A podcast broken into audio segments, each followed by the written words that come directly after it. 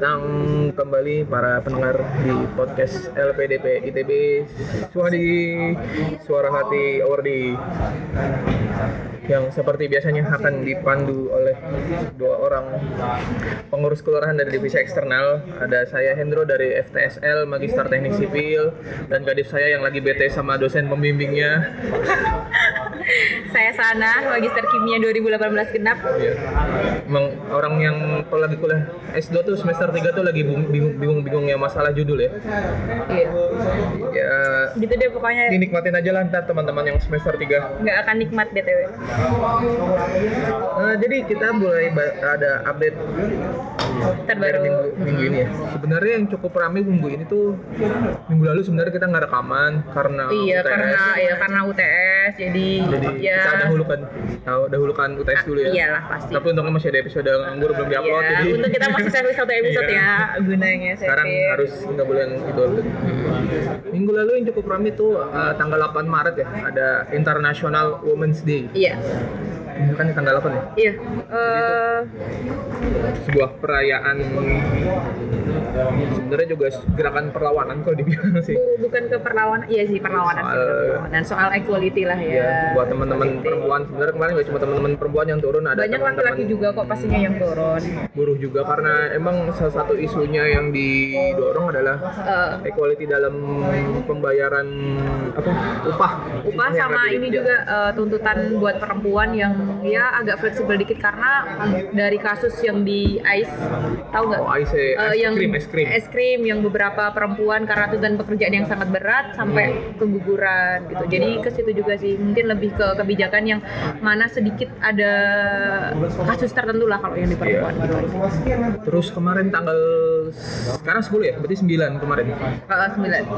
Nah, di beberapa daerah ada turun aksi lain yaitu ngebahas soal RUU Cipta Lapangan Kerja ya yang cukup rame kalau bahasa kerennya Omnibus Law ya. Oh iya, benar. Kemarin di Jogja tuh di Gejayaan kembali Gejayaan. memanggil. Kemarin cukup rame itu di sana ada teman-teman yang aksi karena ada beberapa pasal yang sepertinya merugikan beberapa pihak dengan amat sangat ya terutama teman-teman pekerja. Salah satu poin yang digaris bawahin adalah eh, teman-teman pekerja kontrak tuh bisa selamanya seumur hidup di kontrak tanpa bisa diangkat gitu. Jadi Nah, itu. statusnya statusnya jadi pekerja kontrak terus. Itu salah satu alasan saya ambil S2 adalah karena pekerja kontrak sangat tidak enak. Nah, jadi di undang-undang itu memungkinkan kalau si pekerja itu bisa terus memperpanjang kontrak seumur hidup gitu. Jadi si statusnya bagi status pekerja dulu untuk untuk pemilik perusahaan mungkin oke ya karena, Iya. karena bisa memotong banyak biaya Iya. modal, tapi untuk para pekerja, pekerja, terkesan tidak adil gitu. sangat-sangat tidak adil di Iya, lapangan sangat tuh sangat-sangat tidak adil pekerja kontrak itu Iya. eh, ya intinya kita tidak punya jaminan apa pun di kelangsungan hidup selanjutnya intinya itu sih Iya. nggak ada jaminan Kemarin lumayan diprotes keras gitu soal undang-undang itu. Dan yang masih hot gitu selama sebulan mungkin dua bulan belakangan ini adalah akan terus hot sih menurut aku ke depannya Semoga nggak lama-lama sih hot ya karena ini Iya. adalah berita sedih iya sebenarnya. iya benar itu soal soal penyebaran Corona. virus corona yang masih sekarang update-nya udah Iya. berapa nih 19 Tadi pagi 19, 19 padahal ya padahal minggu lalu tuh baru 6 ya. 6 62 jadi jadi 4 ya? Jadi 4. 2 jadi 4 jadi 6 terus tiba-tiba 19. Tapi ternyata kabar-kabarnya ada berapa puluh- 40 berapa gitu yang eh, suspek suspek gitu. Wah. Tapi kalau nggak salah tadi itu baru oh, baca berita nggak tahu bener apa enggak, nggak tahu bener apa enggak Ya. dari media online kalau nggak salah dua orang yang suspek itu sudah mau dibebaskan apa udah mau keluar dari rumah sakit jadi dinyatakan sembuh Oh, gitu. udah di mau Indonesia sembuh nih. di Indonesia dua orang Udah. Semoga benar kan jadi ada beberapa tes ya sebelum menentukan si orang itu sem- dinyatakan benar-benar sembuh, Hmm. Atau itu. enggak? tes pertamanya udah oke tinggal nunggu tes keduanya tadi kalau nggak salah gitu jadi ada dua orang di Jakarta gitu sampai sam- saat ini penyebarannya masih di Jakarta ya seperti itu entah di luar daerah udah kena tapi orang yang nganggap masuk angin biasa kan kita Iya, iya, iya, orang Yang penting Indonesia dikalak aja kali orang Indonesia. gitu berhubungan soal corona Ya, bridging bagus sekali. akhirnya Akhirnya. kita bahas ini dengan orang yang sepertinya mengerti gitu ya Iya, seharusnya mengerti, harusnya lebih mengerti dari kita ya, Pak. dua orang mahasiswa magister dari jurusan Dari Fakultas SITH tepatnya. SITH Fakultas kan SITH? Eh, fakultas Fakultas jurusannya SITH. jurusannya bioteknologi. Kita langsung kenalan aja. Ya, Kita kenalan langsung dulu. kenalan ya. Boleh kenalan dulu. Nama jurusan angkatan PK-nya PK, berapa? Oke, Eh, aku Tari dari Magister Bioteknologi SITH angkatan PK 131. Jadi udah lumayan lah. Yeay, Akta sampai sama nggak? aku. Betul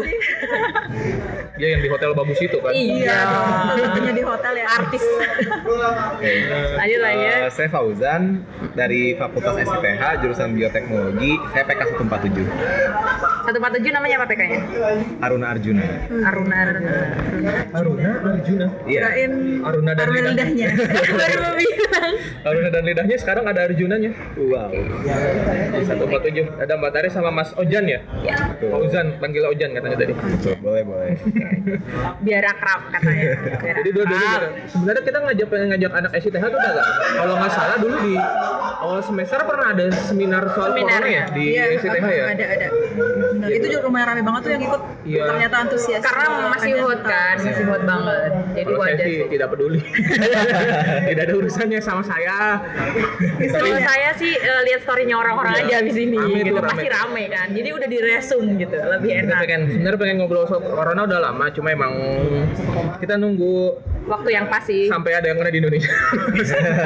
dibahas ya. Jadi Bapak mendoakan nih jangan-jangan. Karena emang penyebaran polanya aneh ya. Maksudnya Indonesia itu kan ada di tengah-tengah ibaratnya. Hmm. ASEAN yang pinggir tuh udah kena semua Thailand, Malaysia, Singapura kena udah banyak yang positif. Hmm. Loncat ke Australia, Australia juga ada yang positif. Oh Indonesia di tengah-tengah nggak ada nggak ada yang kena Nah loh. itu Pak kemarin tuh antara emang Indonesia itu Kebal. kebal atau udah kena tapi nggak tahu Nah, itu gitu. dia. Dikiranya masuk angin. Kita coba Nah, bahas gitu. lebih dalam kan. Guys. Iya sedikit. Sebenarnya yang saya agak penasaran dulu ini sebenarnya virusnya dari Cina kan ya awalnya. ya? Awalnya. Awal penyebarannya. Iya, kemarin tuh sempat kan kalau nggak salah eh, yang pertama kali yang benar-benar hot gitu kan yang di Cina gitu kan. Jadi kan kita kemarin bingung nih kira-kira ini virus dari mana gitu kan. Nah usut demi usut kemarin juga sempat di seminar ya kalau nggak salah itu dibilang bahwa itu dari kelelawar. Kelelawar. Gitu. Jadi eh, kalau virus kan beda ya sama bakteri gitu kan. Bedanya apa? Bedanya apa? Penting nih. Oh, Ini mah kuliah biologi ya. biologi balik ke SMA lagi. Biologi saya Nah kalau misalnya bakteri itu kan ukurannya itu sekitar udah mikrometer ya, udah mikrometer. Nah kalau misalnya virus itu dia udah nanometer, jadi lebih kecil Lebih kecil. dibanding Bakteri. bakteri. Nah bedanya lagi adalah si virus ini dia itu obligat parasit. Hmm, parasit. Jadi sebenarnya dia tuh nggak bisa hidup tanpa adanya sel hidup. Jadi terus. virus itu. Si virus sebenarnya dia harus nyari inang dulu ya inang biar bisa dulu. Kalau misalnya bakteri dia misalnya nggak ada inang dia bisa tetap hidup kayak gitu. Tapi memang banyak penyakit-penyakit disebabkan oleh virus itu dia lebih mematikan dibanding si bakteri. bakteri. Kenapa bisa lebih mematikan gitu? Jadi si virus ini dia itu kalau misalnya udah sekali masuk tubuh, dia itu replikasinya cepat. Oh. Jadi apa ya proses pembelahan selnya gitu loh. Jadi dia itu sekali replikasi lebih banyak dibanding si Bakteri. Makanya sekali dia masuk tubuh Langsung banyak bisa banyak jadinya. replikasinya. Kalau misalnya si daya tahan tubuh si inangnya itu nggak kuat, makanya bisa kalah sama si virusnya. Oh, bisa mati. Kayak Dan mungkin mau nambahin kalau virus itu sebenarnya satu ukurannya dia jauh lebih kecil dibandingkan bakteri. Yang kedua ada beberapa jenis virus yang memang dia itu cepat bermutasi, artinya materi genetiknya itu gampang berubah. Contohnya kayak virus influenza. Hmm. Nah, kan kalau virus influenza itu virus RNA, dia eh, laju mutasinya lumayan cepat. Jadi misalnya ketika ada seseorang dia kena virus flu pertama kali, tubuh bisa, bisa aja udah mengenali oh itu eh, Oh, itu virusnya, virus, gitu, udah ah. kenal gitu. Nah, tapi suatu saat akan ada virus influenza yang dia itu udah berubah dan ketika dia masuk ke tubuh orang yang sama, dia tidak dikenali itu virusnya. Semacam jadi ada virus baru gitu ya. Betul, padahal Yang responnya si tubuh belum punya. Ya, gitu. padahal virus itu itu, itu aja sebenarnya gitu. Makanya kenapa kalau kita lihat di sekarang itu banyak orang yang kena flu pertama, terus habis itu beberapa tahun kemudian kena flu lagi, bahkan berapa bulan kemudian kena flu lagi gitu. Meskipun nggak sering main hujan-hujanan ya. Iya. Es terus itu sih Pak, es terus biasanya gitu kan. Iya benar. Nggak ngerti hubungannya orang tua dong jangan hujan-hujanan sama flu. Sama es juga malah dosen ya cerita ya, dia sempat kena flu di Jepang kan, dikira sama dia flu biasa. Jadi dia kan namanya kita flu kan, jadi udah biasa aja biasa aja. Ternyata nggak sembuh sembuh. Ternyata pas dicek, ternyata itu jenis flu baru di ibaratnya beda sama flu yang ada di, di Indonesia kayak gitu. Jadi ternyata si dosen kita itu belum punya imunitas atau ketahanan tubuh Untuk virus itu. itu, kayak gitu. Makanya dia jadi sakit. Tapi kalau misalnya eh, untuk flu-flu biasa mungkin dia udah tahan gitu kan, karena ini flu baru jadinya sakit dianya. Udah ada database-nya gitu ya Nah, istilahnya. gitu. Oke. itulah mengapa kadang-kadang kalau orang kedokteran yang kuliah di luar negeri balik ke Indonesia pun kadang-kadang banyak penyakit yang nggak diketahui kan ya makanya harus kuliah lagi di Indonesia gitu orang kedokteran makanya jarang ngambil spesialis di luar dulu ceritanya gitu Oh, karena kayak banyak penyakit yang nggak ada di sini balik lagi ke corona tadi jadi nah corona itu nama ilmiahnya ya COVID-19 saya salah nyebut nggak COV eh Covid, itu Covid. nama penyakitnya ya Iya, katanya sih itu uh, untuk singkatan dari coronavirus. Iya, coronavirus 19. Nama virusnya sendiri kalau nggak salah beda ya. Virus Kalau mana? nggak salah virus si corona, coronanya virus itu kalau nggak salah nama COVID-19 itu nama penyakit. Kalau nggak salah And dulu. COVID-19. dulu, dulu itu kan awal-awal Menteri Kesehatan kita pernah yang katanya suspek corona, cuma apa corona SARS apa gitu. Jadi dibantah sendiri karena katanya ini virusnya sama, cuma penyakitnya beda gitu. Nah bener apa enggak? Ikutin nggak? Enggak ya? Sebenarnya aku nggak terlalu ikutin sih yang masalah singkatan. Tapi kemarin sempat dengar yang dari uh, seminar yang dari apa di SITH sendiri, dia dibilangin bahwa uh, kemarin ada sempat penelitian bahwa si virus ini memang ada kesamaan genet gen genom ya, genom itu sama kelelawar. Jadi dimungkinkan memang si virus ini itu berasal dari kelelawar. Sebenarnya kan kemarin sempat bilang kalau uh, katanya itu ini virus yang mutasi kalau nggak salah ya dari MERS sama SARS gitu kan. Oh, MERS sama. SARS, sama MERS sama. SARS karena gejalanya hampir sama dia bilang gitu. Nah ternyata diusut-usut lagi kayaknya memang bukan virus yang dulunya itu ada di ada yang di pasien MERS atau SARS tapi kayaknya emang corona, corona juga jenis corona yang sama memang mutasi juga tapi mutasinya itu dari si kelelawar kayak gitu jadi dari hewan ke manusia, bukan manusia ke manusia jadi awalnya dari kelelawar dulu. manusia Heeh, kayak gitu Jadi sebelumnya itu emang udah ada penyakit corona sebelum yang corona outbreak ini dulu itu udah ada Iya, jadi MERS sama ya? MERS sama SARS. SARS itu katanya juga corona sebenarnya. Oh. Tapi memang beda eh, apa ya materi genetiknya gitu, DNA sama RNA-nya. virusnya sama sama-sama corona dulu. Cuma sekarang corona yang sekarang ini bermutasi. Lebih canggih, gitu. lebih canggih ya, lebih canggih lagi. Nah, tapi anehnya katanya itu yang corona yang sekarang itu itu malah tingkat mortalitasnya lebih rendah dibanding Katanya- 0,2% ya? sama MERS. Iya, 0,2%. tapi memang tingkat infeksinya lebih tinggi, artinya lebih cepat menular dibanding si MERS sama MERS. Oh berarti dia itu lebih cepat menular, tapi untuk penyebaran kematiannya lebih rendah. Lebih rendah. Oke. Tahu nggak kenapa faktornya itu kayaknya nyebarnya itu cukup Heeh. cukup cepat Kenapa gitu? cepat banget nyebarnya dia? Gimana Mas Ojan? Sebenarnya kalau penyebaran virus itu kan macam-macam ya. Dia bisa lewat udara, bisa lewat partikel-partikel yang ada di udara gitu. Dan eh, penyebaran virus juga itu dipengaruhi juga oleh sistem kekebalan tubuh dari manusia itu sendiri juga. Nah, eh, kalau misalnya dari udara itu bisa jadi mungkin eh, melewat lewat kayak aerosol. Misalnya contohnya kayak ada, ada orang bersin gitu. gitu. Nah, terus Ada yang mencerat, ada yang mencerat, ada yang mencerat. gitu ya.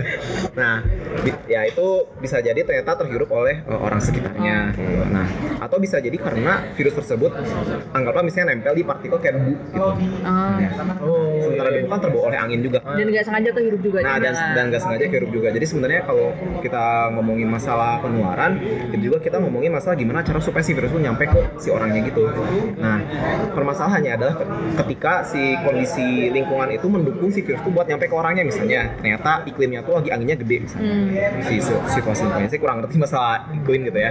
Nah dan ternyata itu eh, bisa menyebabkan virus itu cepat nyampe ke or- banyak-banyak orang gitu. Nah Nah, itu yang baru baru step pertama nyampe. Nah, step keduanya adalah infeksi si virus itu ke orangnya dan itu ditentukan salah satunya dari si sistem ketahanan tubuh orang tersebut. Eh, bisa jadi bisa jadi orangnya itu lagi fit gitu ya. atau bisa jadi orangnya lagi nggak fit. Nah, kadang yang eh, merepotkan itu adalah ketika orangnya lagi nggak fit. Jadi ketika si virus itu masuk, tubuh akan mengenali kalau oh itu ada benda asing nih masuk nih. Ini harus kita lawan, harus kita pelajari gitu. Jadi sebenarnya sistem tubuh tuh keren banget sebenarnya. Ada yang tugas yang lawan, ada yang tugas yang mempelajari si virus tersebut. gitu. Nah, yang repot adalah ketika si si orang itu lagi nggak fit. Jadi yang terjadi itu adalah ketika si virusnya masuk, yang terjadi adalah eh, perang antara eh, virus dengan ketahanan tubuh. Nah, kalau misalnya virusnya yang ini ini mah ini simpel banget ya penjelasannya pada aslinya ini ribet Ah, dibikin Pas simpel aja, satu semester. Jadi ya. kuliah biologi.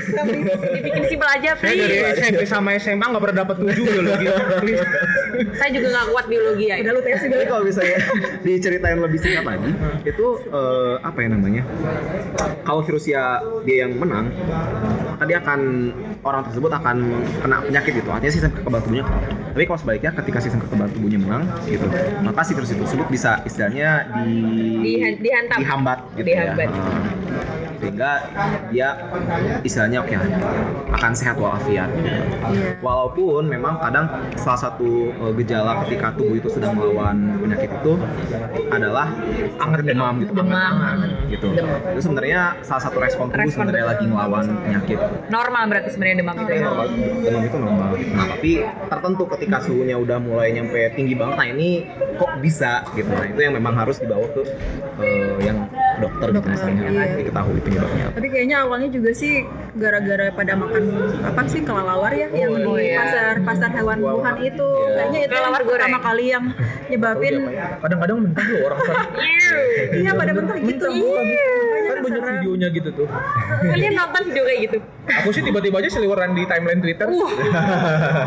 makanya ibaratnya pertama kali ibaratnya apa namanya infeksinya itu udah langsung gede gitu loh langsung besar Karena emang dari habitnya sendiri kali ya. sendiri kayak gitu padahal ya ibaratnya kalau kita ya ibaratnya kita juga katanya di Manado itu ada yang makan belalang gitu Ah, ya mereka Iya, parah itu. fan-fan aja gitu kan mungkin karena mereka dimasak kalau di itu nggak dimasak kali jadinya virus juga kan ibaratnya ada di setiap binatang juga ada virus sebenarnya kan kalau kita emang ibarat habitnya nggak bagus ya bisa jadi kayak Iya. gitu jadi fatal kayak gitu itu sih kalau penularannya Tadi ngomongin penularan kan salah satu yang bikin virus ini agak rame dulu karena masa inkubasi virusnya tuh agak lama ya di tubuh kalau nggak salah 14, 14 hari. hari kalau nggak salah tuh dulu.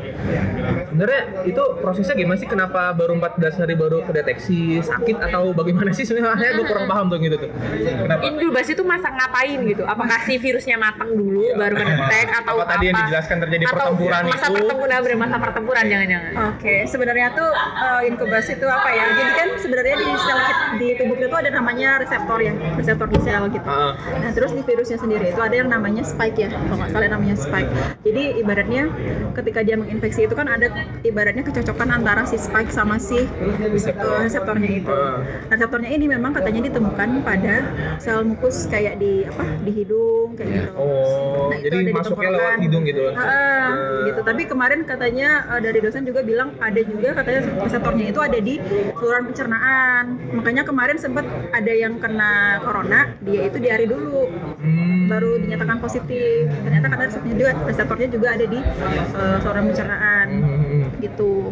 Nah jadi eh, apa namanya untuk inkubasi sendiri, si virus itu sebenarnya apa ya? Dia kayak kalau kita ngebangun suatu bangunan gitu ya. jadi dia masuk di melalui reseptor itu gitu, Iya, masuk, masuk ke dalam hidung tubuh kita, dia. hidung masuk ke dalam tubuh kita. Nah di situ sebenarnya dia mengenali dulu, dia ngelihat nih, nih orang gimana ya sistem imunnya gitu? Oh. melihat dulu nih itu ini secara sederhananya aja ya saya jelasin gitu pakai ojan tadi. Kenalin setelah dia kenal dia mulai tuh eh, melihat apa ya namanya eh, protein ya protein tertentu yang dikenal sama dia. Nanti ini bakalan apa namanya eh, diinfeksi sama dia di dalam. Kemudian nanti mulailah dia menginfeksi yang namanya DNA ya DNA-nya si sel inang DNA-nya ya, sel inang. Nah DNA itu kan kita kan selalu replikasi ya DNA kita Iya, ha. Mengganda. mengganda mengganda mengganda.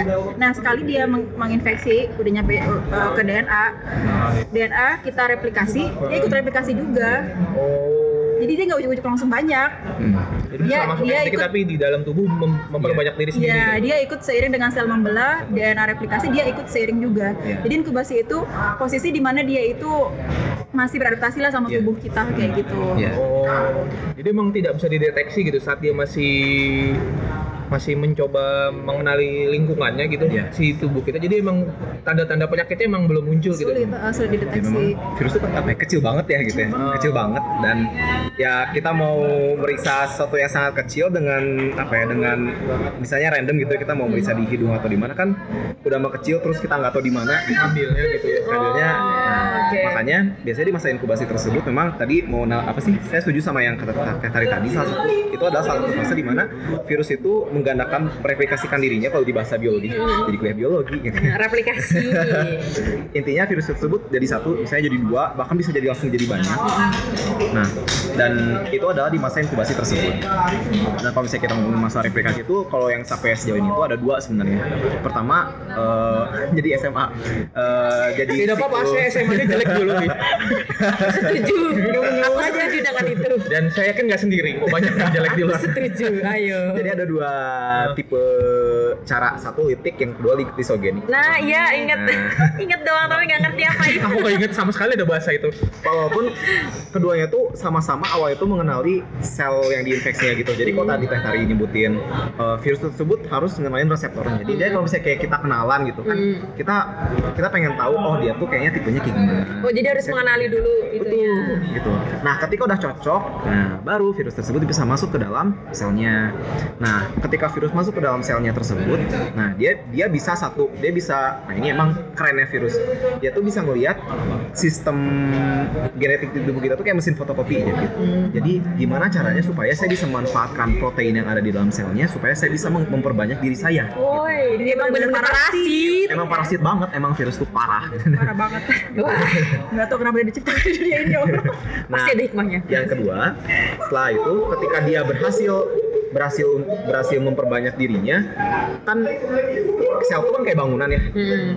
Misalnya tiba saya, misalnya ada saya, saya virusnya misalnya terus dia jadi dua, jadi tiga, jadi penuh kan lama-lama, Iya pecah lama-lama selnya. Oh iya. Keluarlah virus tersebut, Jadi menginfeksi sel yang, Yang lain. lain gitu. jadi sakit makin masuk sakit. lagi makin virusnya gitu memperbanyak diri lagi menginfeksi sel yang lain itu itu kalau berhasil ya gitu ya nah ketika virus tersebut sudah banyak gitu nah itu baru bisa muncul eh, bisa muncul yang namanya eh, gejala-gejala tadi gitu nah hebatnya sistem sistem tubuh kita itu memiliki sistem pertahanan seperti dia bisa mende- mendeteksi kalau misalnya ada infeksi nah di situ sistem pertahanan tubuh kita mulai bergerak salah satunya misalnya eh, mengeluarkan aduh ini maaf banget istilahnya asli banget gitu ya. Oke. Misalnya mengeluarkan sel uh, makrofag gitu. Dan itu tuh saya gede, ibaratnya kayak gini. Ada pipa gitu ya. Lubangnya kecil tapi butuh uh, di butuh di ngeluarin sel yang gede. Terus digedein tuh lubangnya biar muat. Nah, salah satunya adalah dengan mekanisme demam. Oh demam itu karena ada pelebaran lubang tadi tuh. Salah satunya. Ya. Ini sebenarnya saya bukan orang biologi. Bang apa? Orang dia lagi Pori-pori lah ya. Ini sebenarnya saya bukan orang biologi, mungkin orang teman-teman yang biologi lebih bisa menjelaskan lebih baik lagi gitu. Tapi seperti itulah ya. Tapi kurang lebih simpelnya seperti itu. Jadi efek karena tubuh kita ingin melawan si virus dengan tadi makrofag tadi itu ya. Ya. Yang yang ukurannya lebih besar ini salah satu efek itu peleba- pelebaran lubang Iya. yang akhirnya virusnya keluar untuk bisa melawan Iya. Infeksi yang terjadi. Ya, jadi biar makronya bisa nyari virusnya, kemudian dimakan virusnya. Dimakan. Jadi dia memakan virus yang lebih kecil dibanding dia. Ya, gitu. Dia memperbesar diri buat makan yang lebih kecil. Oke. Kayaknya emang wah, wow gitu. Sebenarnya wow, virusnya juga wow, tapi kita juga wow Iya. pertahanan tubuh kita. Sebegitunya untuk melawan virus. Tadi kita sampai penularan. Eh, penularan. Sekarang dan masa inkubasi. Kan tuh sakit nih berarti nih. Hmm, udah sakit nih, ceritanya udah sakit nih karena udah inkubasi. Tanda-tandanya si orang itu terkena coronavirus 9 COVID-19 ini apa sih? Yang umum biar kita tuh bisa apa kayak mendeteksi buat diri kita sendiri oh saya corona nih kayaknya gitu. Biar biar ada aware gitu kayak misalkan eh, misalkan panasnya udah 40 oh ini panas 40 nih aku mau ke dokter ah gitu. Biar enggak ah ini masuk angin doang. Enggak kayak gitu. Ini contoh doang ini contoh doang ini contoh doang. Normalnya orang berapa sih? Tiga, tiga tujuh, tiga tujuh ya? 40 Tiga tujuh tuh, ya gimana? Ada Gimana? ada tanda-tanda khusus Nggak gak tahu ya sebenarnya kalau ngelihat uh, kita juga bukan ahli ahli kesehatan yang benar-benar bisa tahu ya tapi sejauh ini sih dari beberapa informasi yang aku dapat juga sebenarnya kayak gejala demam gitu ya demam tinggi kemudian dia batuk bentuk berlendir itu sebenarnya semua gejala umum ya Iya. gejala umum gitu. Jadi mau nggak mau kita harus lebih aware aja sih menurut aku. Jadi kayak misalnya memang teman-teman di sini flu nih gitu. Flu. Kira-kira demam apa enggak gitu. Batuk apa enggak gitu. Kalau misalnya kira-kira demamnya itu sekali demam tiba-tiba eh, apa namanya eh, reda nih udah nggak panas lagi tiba-tiba panas lagi nah mending segera ke rumah sakit deh. Apalagi kan sekarang lagi musim maksudnya Oh, iya, posisinya lagi musim. Kalau nggak musim sih nggak masalah. Jadi lah mending mending jaga-jaga aja kali ya. Ah, benar jangan sampai kemarin sebenarnya kan ada eh, kasus kalau nggak salah di Instagram sempat beredar itu yang dia eh, kalau nggak salah dia flu tapi dia tidak mau ngaku kalau dia sakit Oh, jadi sempat mau dites tuh dia ikut tes kata-katanya dia positif corona ternyata dia nggak mau dia nggak percaya kalau dia corona akhirnya dia pulang dong dengan Oh paksaan malah spread ke mana-mana terus dong. dia kondangan Astaga, berapa orang kondangan itu? Pasti itu kondangan mantannya. Julid banget. Rasakan kalian Gara-gara semua. kemarin gara-gara dia di kondangan terus dia ke gereja jadi hampir-hampir yang berinteraksi dengan dia itu positif Yang orang Di Cina. kondangan yang gereja. Iya. Eh, di Cina, sorry, oh, di Korea. Oh, yang di Korea yang pas Iya, ke benar. 13. Nah, oke.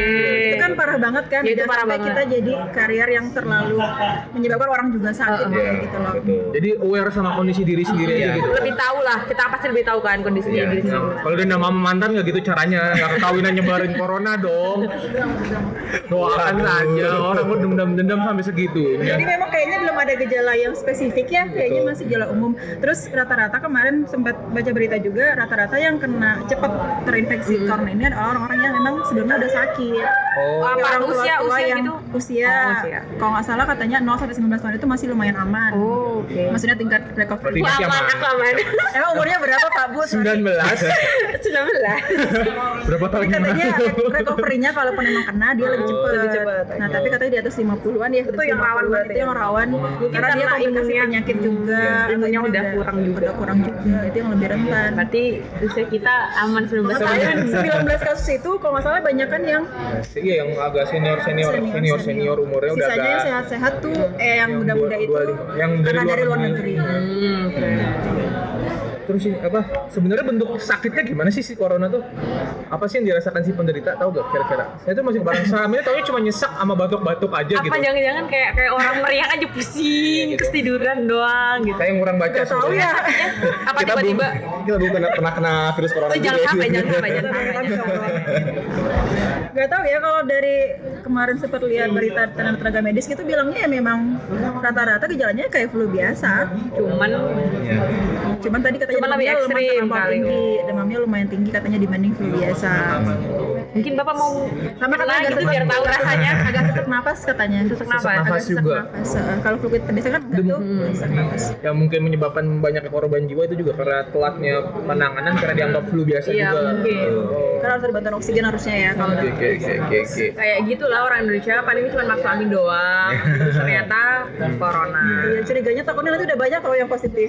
Iya curiga. Iya. Tapi dikerokin aja sembuh. kan orang kalau dikerokin biasanya legaan aja seger jalan lagi gitu kan. Padahal kagak tahu. teman-teman ini, ini Indonesia gitu ya jago. Eh, sedikit. Kan tadi kita udah ngobrolin banyak soal virus-virus ya para teman-teman ini dari bioteknologi SIHT T, SITH. SITH. Dimarahin deh kan ya. Kok saya mendengar yang aneh-aneh? Oh iya gitu. Aduh, aku udah mau mundur. ini nih namanya Sana Pak dia sering buat SIHT SIHT Mohon eh, kita seperti biasanya kan sering ngulik sedikit ya soal jurusan narasumber yang kita ajak ngobrol gitu. Sebenarnya tuh sekolahnya ngapain sih itu sih yang pengen kita Selain selain apakah memang di sana memang bahas-bahas virus makanya tahu corona atau Nah, ngapain gitu. SI- SITH tuh berarti ada berapa jurusan di bawahnya tahu? Oke. Eh, kalau SITH sendiri itu kan pastinya ya iyalah ada S1, S2, S3 gitu. Kepanjangannya dulu, jangan kepanjangannya dulu. Oh iya benar. SITH, Oh, iya. Jadi sekolah. SITH itu adalah Sekolah Ilmu dan Teknologi Hayati. Bedanya sekolah sama fakultas apa sih? Lu penasaran gitu. Enggak tahu. Saya, saya juga sebenarnya lebih tahu. Oh, soalnya di TB. Bedanya apa ya kalau dulu tuh saya belum pernah belum, belum pernah baca definisi yang bedanya cuman kalau dulu sih waktu saya lihat biasanya kalau S kalau sekolah itu eh, baru ada dua prodi yang di bawahnya gitu kayak kayak dulu Oh, dua. SITH itu eh, cuma ada biologi sama mikrobiologi Oh, gitu. makanya dibikin sekolah. Nah, kalau misalnya fakultas itu biasanya dia yang program studi itu lebih dari dua gitu. Misalnya kayak FTTM ada S1-nya ada metalurgi, ada teknik peminyakan, teknik pertambangan sama geofisika gitu. Kayak gitu sih. Walaupun sekarang, Sekarang juga udah- stay juga udah di bawahnya nggak cuma elektro sama informatika ada banyak juga sebenarnya. Gitu. Tadi balik lagi ke SITH itu panjangnya teknik Sekolah Ilmu dan Teknologi. Tekmu dan Hayati. Hayati. Hayati. Bahaya sekali. Bapak ayah Bahaya emang ini. Rusak nih. Nah, salah satu jurusan di bawah SITH itu tadi bioteknologi. Bioteknologi, Iya, itu di Magisternya. S2-nya, magister S2 bioteknologi. Sebenarnya itu jadi cabang ilmunya apa sih? Dari, dari, dari cabang ilmu apa sih? Biologi. Turunan dari mana gitu dia? Jadi sebenarnya turunan gitu. Jadi sebenarnya kalau- kalau di S2 sendiri kan ada biologi, ada bioteknologi dan ada uh, biomanajemen. Hmm. Nah sebenarnya kalau kita mempelajari biologi itu adalah kita mempelajari makhluk hidup itu cara kerjanya kayak gimana sih Hmm. gitu. Misalnya oh ternyata sistem pencernaan seperti ini. Nah bioteknologi itu dia memanfaatkan keilmuan biologi untuk dikembangkan menjadi suatu teknologi Oh. yang itu bisa dimanfaatkan untuk kehidupan manusia. Nah misalnya seperti eh, salah satunya yang unik gitu ya, yang misalnya ini cewek-cewek pada suka. Nah ini ada juga yang penelitian tentang skincare. Skincare. Sama skincare. Tesis aku, tesis aku, tesis Nah, aku. nah, itu ada yang bikin misalnya skincare itu dari eh, apa ya produk-produk dari bahan bahan alami Kefir yang- kefir. ya dari yogurt oh, gitu Kefir kefir. Oke. Nah itu saya kurang tahu ya kayak gimana harus manggil Ira. Sebenarnya mungkin itu salah satu Salah satunya, Oke, gitu salah satu ya. outputnya ya. ya gitu. Terus ada juga eh, yang mengembangkan vaks- eh, vaksin gitu. Ada ada teman yang sekarang karena lagi hot coronavirus, dia penelitiannya mau mengembang membuat atau mengembangkan kit untuk mendeteksi coronavirus. Kit banget, Ya, banget. jadi eh, ya mudah-mudahan jika berhasil itu bisa menjadi satu cikal, cikal bakal Indonesia memiliki kit coronavirus buatan sendiri gitu. Tinggal celup apa tinggal apa harus Iya, keluar langsung gitu. keluar. Eh, Tinggal justru justru kit itu kan di, dicari kan yang paling mudah kan Iya. dicelup doang misalkan pakai urin dicelup ke urin oh warnanya merah wah positif gitu Celup. kayak gitu. kan contoh Jadi bioteknologi itu membahas teknologi yang berdasarkan biologi gitu ya. Ya, Iya. kurang lebih Mm, seperti kurang lebih Ah, ada kelompok ahliannya nggak? Oh, ada, kita tuh ada ada kelompok keilmuan. Pertama bioteknologi mikroba gitu. kemudian ada genetika dan biologi molekuler. Kemudian ada si FPHSB fisiologi fisiologi hewan dan tumbuhan lah istilahnya gitu. Itu lebih lebih ke apa ya namanya bioteknologi cuman dia memanfaatkan organismenya itu tumbuhan dan hewan. Misalnya kultur jaringan gitu stem cell gitu dan sebagainya. Asing ya masih asing. Ya enggak sih kalau kultur kalau kultur jaringan nggak cangkok gitu aja. Cangkok. udah paling gampang cangkok sama cangkok dulu nggak beda jauh kan di bab biologi kan? ya intinya kok jat keluarnya dicangkok ya? Maksudnya kan ya, ya hampir mirip lah ya teknik. Makanya Memperbanyak diri lah intinya. Stek stek dan stek stek Ya, stek kalau itu saya masih SD itu. SD nyetek pohon jambu. Kelihatan kan berapa bodohnya saya di biologi. Kurang lebih seperti itu sih. Oh. Ada tiga jadi di bawah bioteknologi gitu. apa tadi coba diulang Tadi ada mikroba dan apa tuh? bioteknologi mikroba, mikroba. genetika biologi eh genetika dan biologi molekuler gitu. Sama. Terus eh sebenarnya ada ada banyak sih ada FPHSB itu tuh ada intinya Itu fisiologi kita- fisiologi FPHSB FP fisiologi, fisiologi perkembangan hewan dan tumbuh. H FSBT. Nah, hewan S Belakangnya bisnis, belakangnya bisnis ada Oh, masa bisnis mungkin.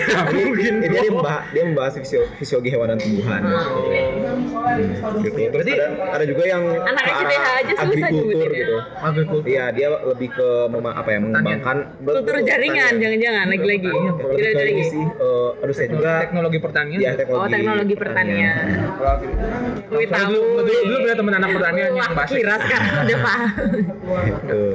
Jadi base-nya bi- biologi emang ya? Biasanya biologi. Pantas saja sih tidak pernah dengar. lebih tepatnya kalau kita bilang lebih ke mikrobiologi. Mikrobiologi. Mikrobiologi. Oh. Oke oke oke. Pantas saya tidak pernah mendengar itu karena saya tidak pernah tertarik sama biologi. iya itu selalu dihindari emang. Biasa di pokoknya biologi itu. bapak tidak sendirian Balik balik lagi ke corona tadi. Tadi kan kita udah tahu gimana si penyakitnya. Mungkin yang terakhir untuk diskusi sebenarnya buat kita nih masyarakat awam cara untuk apa Mencegah. mencegah biar kita membantu menghi- tidak menyebarkan tuh Iya. apa sih tips-tips and trick menjaga diri sendiri Iya. kan kalau Self care. ya self care buat diri sendiri Iya, makan buah dan sayur ya. Udah kayak mama. tidak mungkin makan warteg aja pilih makanan yang paling tidak sehat gorengan gorengan gorengan iya ya mie mie mie Nah, justru itu jadi kalau bisa yang paling penting itu adalah kita meningkatkan daya tahan tubuh kita masing-masing. nggak boleh begadang Nggak boleh begadang. Udah, Kurang-kurangin lah kalau karena musim corona kurang-kurangin. usah nugas kali ya tidur aja emang dosen kita mengerti hal itu kurang bapak kurangin corona begadang apa bapak tahu nggak pak gitu ya Saya nggak boleh begadang, saya Pak. nggak boleh begadang Gak boleh Pak. begadang, ya udah jangan begadang. Gimana ceritanya ngediin tugasnya kapan? Itu sih kayaknya lebih ke apa ya pola hidup sehat ya. Kayak eh, dari makanan kita harus perhatiin. Yang pertama itu. Yang kedua sanitasi. Jadi terutama kayak kebersihan tubuh, terutama tangan ya. Jadi kan Tangan yang rajin ya. Eh, eh, kan dari WHO juga menganjurkan ada berapa step Jun? Cuci tangan? 12 step ya berapa step Gini, sih? gini. Pokoknya katanya nyanyi balonku ada 5 aja. Oh yang 20 detik itu ya? Ah, yang gini gini Ju. Nyanyi balonku Ini kan nggak ada nggak ada nggak ada visualnya ya lupa. Jadi nyanyi balonku ada 5 sama cuci tangan, di sela-sela jari itu selesai berarti udah bersih Iya. tangannya. Jadi kalau mau apa mau cuci tangan tuh ada lagu-lagu khusus yang durasinya sesuai dengan cuci tangan yang Bisa diajarkan. nanti kita lihat di YouTube dulu ya. Iya, kan? Nah, Boleh, bisa bisa YouTube. dicari lagu-lagu. Kan nggak mungkin kita mau ngeplay di sini. Iya. Iya. Nah, kenapa tangan? Karena kita kan kalau tangan kan yang biasa pegang-pegang apa pun ya. Pegang HP, handle pintu, dia udah pegang muka. Mungkin kan kita pakai mulut gitu kan pakai pintu. Iya sih. cuci mulut, cuci mata. Cuci mata. Tetap ya Bapak. Makanya kemarin sempat dari menteri di Korea apa mana sih itu aku lupa. Yang nggak dia boleh. bilang nggak boleh pegang muka. Oh, Nggak iya. boleh pegang muka. Tapi dia pegang Tapi mulut. dia pegang mulut, dia jilat jarinya. Udah lihat, udah lihat. Iya iya. Iya iya Udah iya. lihat belum? Iya iya iya. Dia bilang nggak boleh pegang pegang muka, muka. tapi dia Tapi begini. dia jilat tangannya sendiri. Iya. Tidak. Mungkin itu eh, refleks biasanya kali, jadi belum terbiasa kan. Iya, heeh. nah itu sih kayaknya makanya kan sekarang sempat kemarin hand sanitizer habis ya. Iya. Iya, Udah iya. cuma habis mahal banget sekalinya Iya. ada. Bawang bombay juga. Ada hubungannya enggak? Sekarang 15 ribu ada itu satu ada anti antibakteri sih, tapi nggak pegang bawang juga langsung bisa. Sekarang Enggak, enggak itu kayaknya ibu-ibu aja deh rempong ratus bombay. ribu sekilo coba. Ngapain beli bawang bombay? Ya nggak tahu. Ya buat masak spaghetti kalau nggak pakai daun bombay nggak Oh, kira Gila anak kosan. Aku mah apa Indomie ya? Iya, bawang, bawang bombay. Bawang bombay sekarang mahal. Oke, makasih Pak infonya Bang Bombay. Astaga. Masker, masker sebenarnya butuh nggak sih kita tuh? Kan Nah. sekarang lagi rame tuh. Apakah sebenarnya sih katanya kalau misalnya kita emang sakit ya, itu nggak nggak usah nggak terlalu perlu sih masker. Sebenarnya yang perlu itu adalah orang yang sakit. Misalnya kita lagi flu atau lagi apa kita butuh pakai masker. Orang sehat-sehat tuh nggak perlu masker nggak perlu sebenarnya. masker tapi memang kita mungkin ya itu sih sebenarnya yang awet harus yang sakit sebenarnya jadi harusnya kalau emang dia sakit dia jangan keluar rumah nggak usah pura-pura sehat berarti. nah Oke. jangan pura-pura Kecuali lagi ada kuis atau UTS. Pura-pura sehat langsung gitu. Itu dia. Baik, sebenarnya katanya sih agak berlebihan juga sih sampai benar-benar masker habis Iya. kayak gitu. Terus ditimbun. Bahkan mie instan juga habis loh. Nah, Ada yang padanya tuh, takutnya tak- kali ya. Iya. Katanya. Mie instan habis. Kita Iya, aku di iya. kosan goler-goler doang nggak mikir apa-apa. Tapi sekarang udah normal, kecuali bawang bombay masih belum Oke. normal. Memang Gitu. Iya benar. Jadi, jadi kalau yang masker jangan terlalu berlebihan lah ya teman-teman. Kasihan kalau yang sakit jadi susah nyarinya sekarang. Ah, benar. Itu sih takutnya nanti malah yang perlu malah dia nggak dapet. Nggak dapet. Itu sih. Sama kalau dapat hand, hand, Hand sanitizer. jaga membersih tangan Hand itu. sanitizer. Apa dah?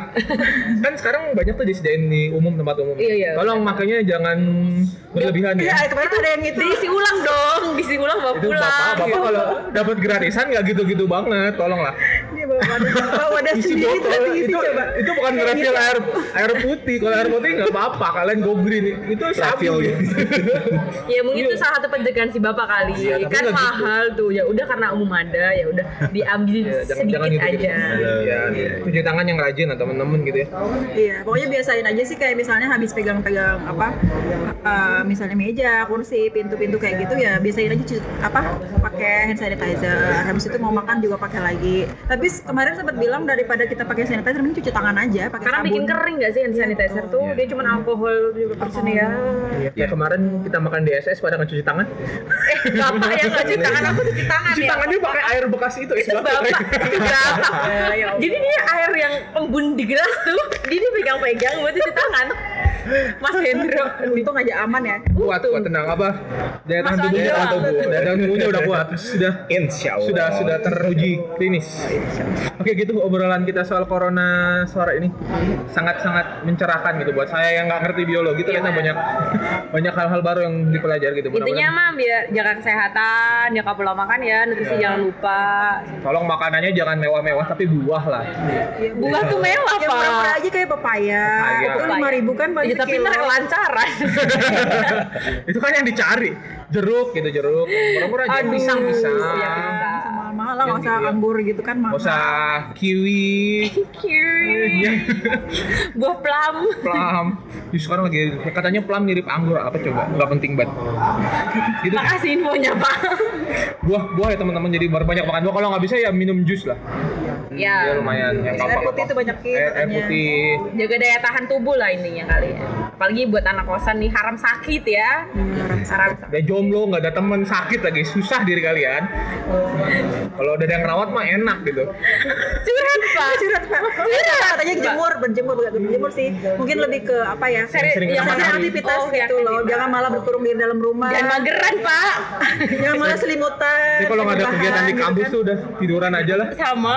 Apakah saya ke kampus penting. rajin? Pola hidup sehatnya digalakan lagi karena teman-teman kesehat apa mencegah lebih baik daripada mengobati Betul, betul. gitu kuncinya. Daripada udah keburu sakit kan ya, ribet. Gitu aja obrolan kita sore hari ini, sore hari ini, hari ini. Kita kan nggak tahu ntar kalian dengerinnya kapan ya. Iya. Malu kali denger. Oh ya, ada pengumuman karena satu dan lain hal sepertinya kita update nggak di hari Rabu lagi. Iya, Cuma di hari- Jumat. hari Jumat. siang atau sore gitu. Ditungguin aja. Jum pokoknya Jumat itu pasti update gitu.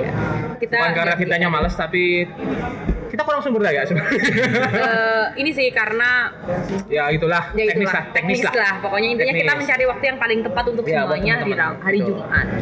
Jadi jangan menanti podcast kita di Di hari hari Rabu. Rabu. Nah, sekarang Kita di akan- Jumat. Hari Jumat. Jangan dinanti-nanti, tenang aja. Makasih buat Mas Hujan Batari atas obrolan Makasih juga. Iya. Ya, dan seperti biasanya ngomong kita nggak punya bahan tapi 40 menit. Iya. Saya sudah tidak heran. Tenang saja, award kita sangat bisa diberdayakan. gitu buat teman-teman lain mungkin yang masih pengen tertarik obrolan corona gitu siapa tahu teman-teman farmasi atau teman-teman lain gitu yang punya insight lain soal masalah ini bisa gitu ngomong ke kita ntar kita bahas di sini Iya. mungkin kayak teman-teman farmasi kira-kira apa sih obat yang bisa gitu yang mudah gitu yang mudah bisa diakses gitu sama atau mungkin yang berhubungan lagi sama ini apa ya? Kesehatan sih harusnya sih Pak. anak-anak kesehatan ya. ya Ya nanti carilah ya. Ya, Kalau Coba- nemu karena semua karena ini masalah internasional gitu nggak mungkin nggak menarik. Eh, selalu didengarkan podcast kita setiap Jumat siang. Dan jangan lupa kita masih buka saran apa pun dan program-program kerja kita yang lain di kelurahan juga masih menerima eh, masukan saran di media sosial kita di Instagram, di Twitter, di Facebook, di grup Telegram yang yang punya masukan apa pun bisa ngobrol ke kita aja. Ah, Kita dengarkan gitu. Kalau kalian butuh exposure seperti biasa kita tawarkan, betul. silahkan ngobrol sama kita. Kalian mau bahas apa pun, misalnya tesis kalian menarik gitu, dan kalian merasa ini nggak ada orang yang bahas ini, ngobrol sama kita gitu. Karena berbagi ilmu itu baik teman-teman. Gitu. Udah nggak ada lagi, nggak ada titipan lagi seperti biasanya dari Naya nggak ada. Enggak deh. Enggak ada titik. Udah udah baik kan mereka sepertinya kemarin. gitu aja dari kami podcast LPDP ITB episode 10. Wih, episode 10 nih genap 10 nih. Yeay, akhirnya udah ya. 10. Udah dua bulan setengah ya Pak? Ya, jalan. Semoga ada 10 selanjutnya gitu. Amin. Terus dengarkan di Spotify dan pem- pemutar podcast lainnya. Nah, sampai jumpa episode selanjutnya di podcast LPDP IDB Suhadi. Suara hati Wardi. Dadah. Bye.